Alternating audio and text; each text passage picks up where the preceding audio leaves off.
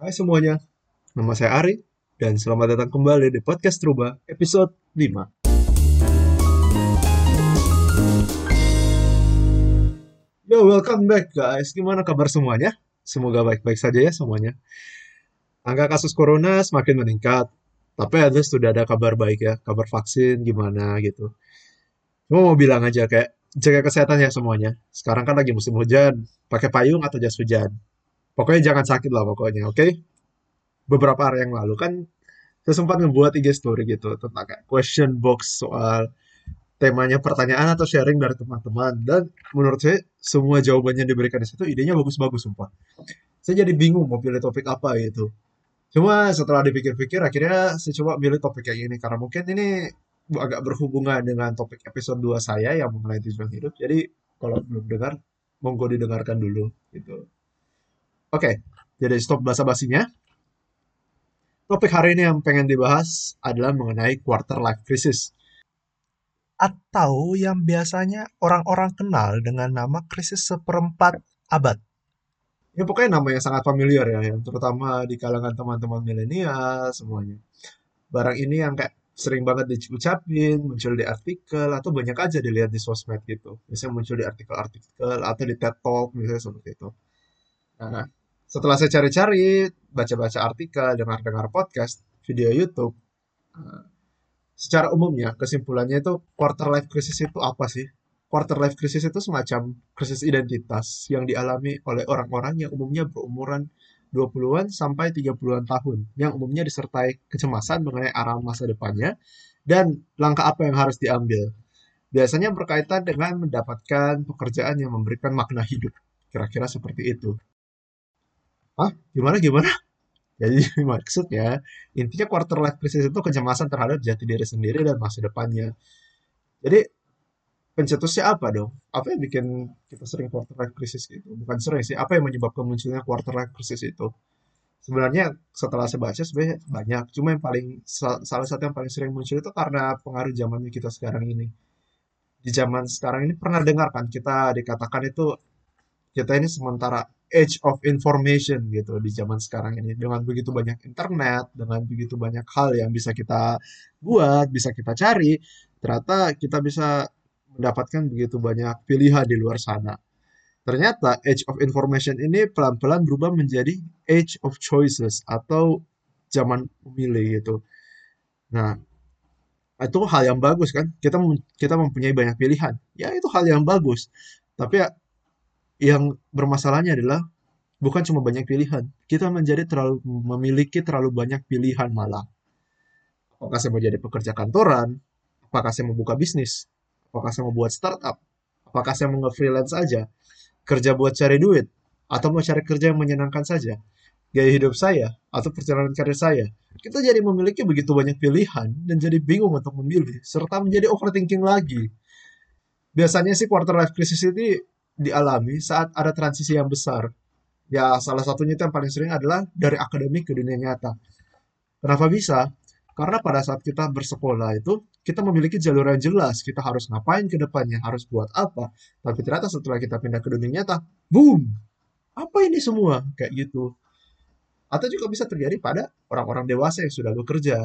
Jadi orang-orang dewasa yang sudah baik, sudah bertanggung jawab, dan sebagainya, punya pekerjaan yang mapan, keluarga yang baik, tapi di satu sisi dia merasa hidup yang dia jalani tidak bermakna gitu.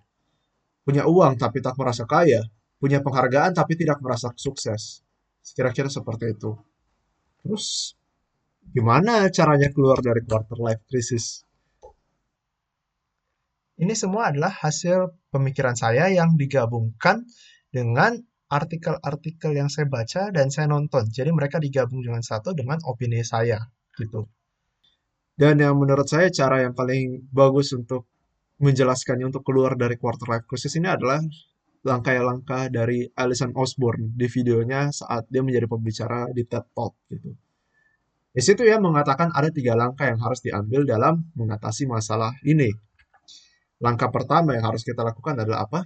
Kita harus menentukan prioritas kita. Tentukan prioritasmu di hidup dan pekerjaan. Ingat di episode kedua saya pernah membahas mengenai tujuan hidup. Di situ saya mengatakan pentingnya untuk mengatur value kita sesuai dengan yang kita inginkan. tentukan prioritas Anda dulu. Semua orang pasti tentunya ingin banyak hal lah.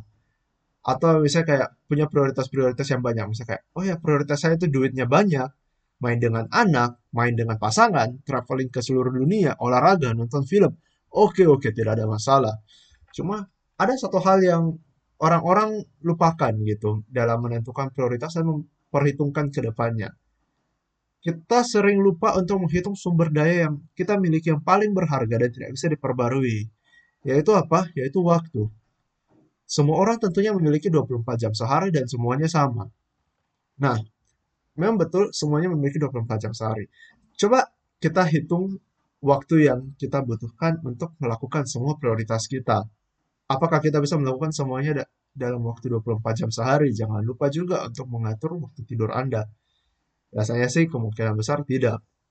Terus bagaimana caranya untuk mengatasi hal itu? Itulah kuncinya kita datang untuk melakukan time management. Cara yang paling bagus itu yang saya baca adalah dengan cara membuat pie chart gitu. Jadi nanti di dalam pie chart itu ada banyak hal. Umumnya itu isinya kayak karir, pasangan dan keluarga, pengembangan diri, waktu untuk bersenang-senang, olahraga dan kesehatan, dan sebagainya gitu. Jadi kita udah tentuin gitu kayak time management. Oke, okay, saya memiliki waktu untuk karir seperti ini. Uh, terus habis itu juga saya memiliki waktu untuk melakukan hal-hal lain seperti ini. Jadi basically time management itu budgeting versi waktu gitu. Dengan adanya pagar-pagar mengenai hal itu, kita pasti bisa membagi waktu kita dengan lebih baik gitu. Oh ya, satu hal yang saya selalu ingatkan kembali adalah prioritas setiap orang pasti berbeda. Oleh karena itu, kita tidak perlu membanding-bandingkan.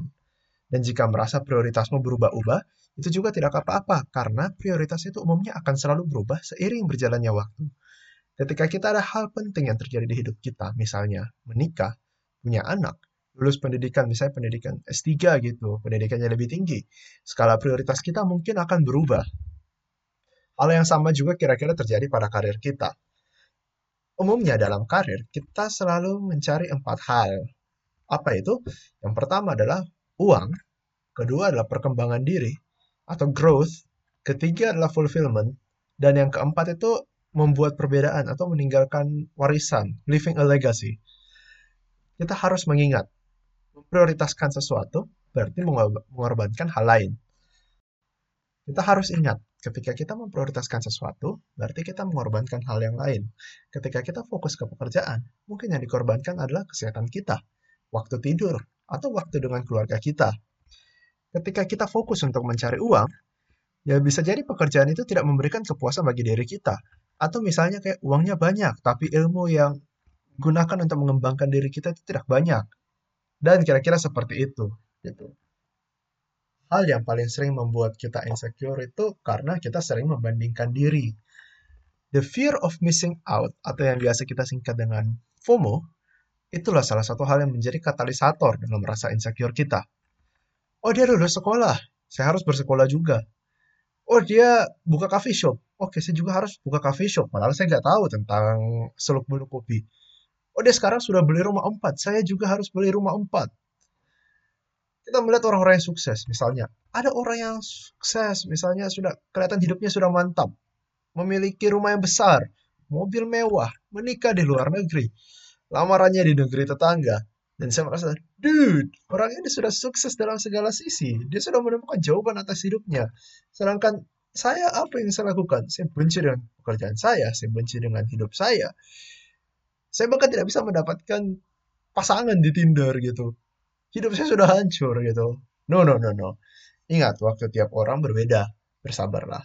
Semua orang pasti pernah melewati fase ini. Dan membanding-bandingkan diri kita, sebenarnya tidak ada untungnya. Rumput tetangga selalu lebih hijau. Dan tidak semua yang kita lihat di sosial media seperti itu adanya. Tetaplah tenang, buatlah prioritasmu, dan fokuslah pada tujuanmu. Ya, sekarang kita sudah punya prioritas, sudah punya tujuan, sudah punya kompas. Langkah apa yang harus kita lakukan berikutnya? Langkah kedua yang harus kita lakukan berikutnya adalah ketahui berapa banyak uang atau pemasukan yang Anda butuhkan. Dude, seriously? Kita bicara uang lagi, baru episode lalu sudah bicara uang, sekarang kita bicara uang lagi. Duniawi banget cuy. Kayak gitu, Bambang. Jadi gini maksudnya, kita nggak bisa mencapai target kalau targetnya aja nggak ada. Emang benar, kita ingin mendapatkan hidup yang bermakna, jadi orang yang penting, yang diingat, atau hal prioritas lainnya. Tapi satu hal yang harus kita ingat, bahwa untuk menjalani hidup ini, kita butuh uang. Kita perlu untuk membayar tagihan kita. Kalau seandainya teman-teman ada yang mendengarkan podcast saya yang sebelumnya, di situ sudah dikatakan bahwa salah satu keuntungan kalau kita sudah mencapai target fund kita, kalau kita sudah mencapai financial freedom, kita jadi lebih memiliki lebih banyak fleksibilitas gitu. Coba tanya ke diri teman-teman, berapa uang yang teman-teman butuhkan untuk mencapai financial freedom? Umumnya, orang-orang memiliki target yang terlalu sedikit karena berpikir, ya yang penting cukup untuk hidup, nggak perlu mm, terlalu mewah-mewah ini akan berdampak ke masa depannya. Kita jadi gak bisa beli barang yang kita inginkan ternyata. Atau pengalaman bermakna yang kita inginkan. Atau target yang terlalu besar misalnya. Jadinya kita akan mengorbankan sesuatu. Umumnya sesuatu yang sangat kita hargai. Misalnya waktu bermain dengan keluarga kita, quality time dengan pasangan, waktu bersosialisasi untuk mendapatkan uang sesaja. So what should we do? Start your budgeting now. Count how much money do you need? Hitung uang yang kalian butuhkan. Pikirkan cara mencapai hal itu. Apakah teman-teman ingin menggunakan cara offense yang berarti menambah jumlah pemasukan atau dengan cara defense yang berarti mengurangi uang yang keluar? Terserah, yang penting bisa mencapai target fund itu. Ada fun fact yang saya rasakan selama saya sekolah dari TK sampai kuliah, kita nggak pernah diajarin sedikit pun mengenai budgeting ini. Kalau kita pikirkan sebenarnya, budgeting ini adalah salah satu skill yang sangat penting di hidup kita. Kita perlu budgeting soal uang kita, kita perlu budgeting soal waktu kita. Kita nggak pernah diajarin selama, at least itu pengalaman saya selama sekolah. Oke, kembali ke topik berikutnya. Kalau kita seandainya sudah berhasil mencapai target itu, kita memiliki lebih banyak peluang, waktu yang terbuka bagi kita. So hit that number. And I believe you can. Selama ada target dan cara untuk mencapainya juga ada, serta konsistensi dan semangat untuk mencapai target itu juga hadir, saya yakin teman-teman semua pasti bisa mencapainya. Lalu sekarang kita masuk ke langkah terakhir, yaitu langkah ketiga ini adalah langkah yang paling simpel, tapi susah juga, yaitu mulai aja dulu. Karena kalau kita sudah memulai, langkah berikutnya itu akan terasa lebih mudah. Ingat nggak hukum fisika? Kayak tentang yang kalau kita ingin memulai sesuatu, usaha yang kita butuhkan itu lebih besar dibandingkan dengan usaha kita untuk mempertahankan suatu kecepatan. Nah, saya lupa itu hukum yang mana, dan berdasarkan statement ini, teman-teman pasti sudah tahu berapa nilai fisika saya. Ya sudahlah, no comment. Jadi berdasarkan yang saya baca-baca, kebanyakan dari orang-orang yang sudah melewati quarter life crisis mengatakan bahwa cara yang paling penting itu stop overthinking dan mulailah bertindak. Kita sudah punya kompas, kita sudah punya prioritas, dan kita sudah tahu apa yang kita inginkan. Maka kejarlah itu. Oke? Tidak ada yang pernah tahu ternyata setelah mereka berhenti dari pekerjaannya dia menjadi seorang motivator, menjadi seorang artis, menjadi seorang penyanyi atau hal-hal lainnya gitu. Tidak pernah ada yang tahu dan kita juga tidak perlu tahu. Kita hanya perlu tahu untuk mengejar keinginan kita dengan perbuatan yang jelas, maksud yang baik. Lakukanlah hal-hal yang dapat menambah nilai pada diri kita sendiri gitu. Serta apa nilai yang bisa kita tawarkan kepada dunia ini. Itu yang terpenting. Ini adalah kata-kata dari TED Talk yang saya nonton. Sangat bagus. Finding life's work is a life work indeed.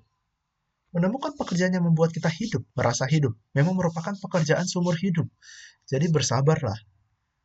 Kita ini dibesarkan di zaman serba instan, dibuat untuk berekspektasi apa pun yang kita buat, hasilnya langsung muncul. Padahal sebenarnya pekerjaan yang membuat kita hidup itu tidak seperti itu cara kerjanya. Menemukan jati diri kita tidak seperti itu, tidak seinstan itu. Ini memang sebuah pekerjaan yang lama. Jadi, bersabarlah. Be patient. It is a long journey. Dan tidak apa-apa. Kita semua berada di dalam hal ini. Bersama Aku, kamu, teman-teman, semuanya melewati fase ini. Quarter life crisis, seperti namanya adalah krisis, dan di mana ada suatu krisis, di situ juga ada peluang, ada kesempatan. Keadaan transisi seperti ini adalah waktu yang sangat baik untuk mempertanyakan diri kita, merefleksikan diri kita terhadap apa yang membuat kita semua merasa hidup. Apa yang dunia ini paling butuhkan adalah manusia-manusia yang kembali hidup, dan dalam kata ini maksud saya adalah jiwanya yang hidup. Melewati krisis tentunya memang tidak pernah mudah, tapi tetap merupakan proses yang penting dalam hidup kita untuk mencapai kedewasaan diri kita dan juga menjadi checkpoint di hidup kita. Kita semua akan melewati ini. Saya, Anda, teman-teman semuanya. Bukan berarti saya sudah pernah melewatinya, Mungkin saja saat ini saya sedang berusaha melewatinya, dan teman-temannya mungkin saat ini berada di situasi yang sama. It is fine. Kita semua pasti bisa. It is difficult, but remember, the juice is worth the squeeze. Sekian dari saya. Cheers!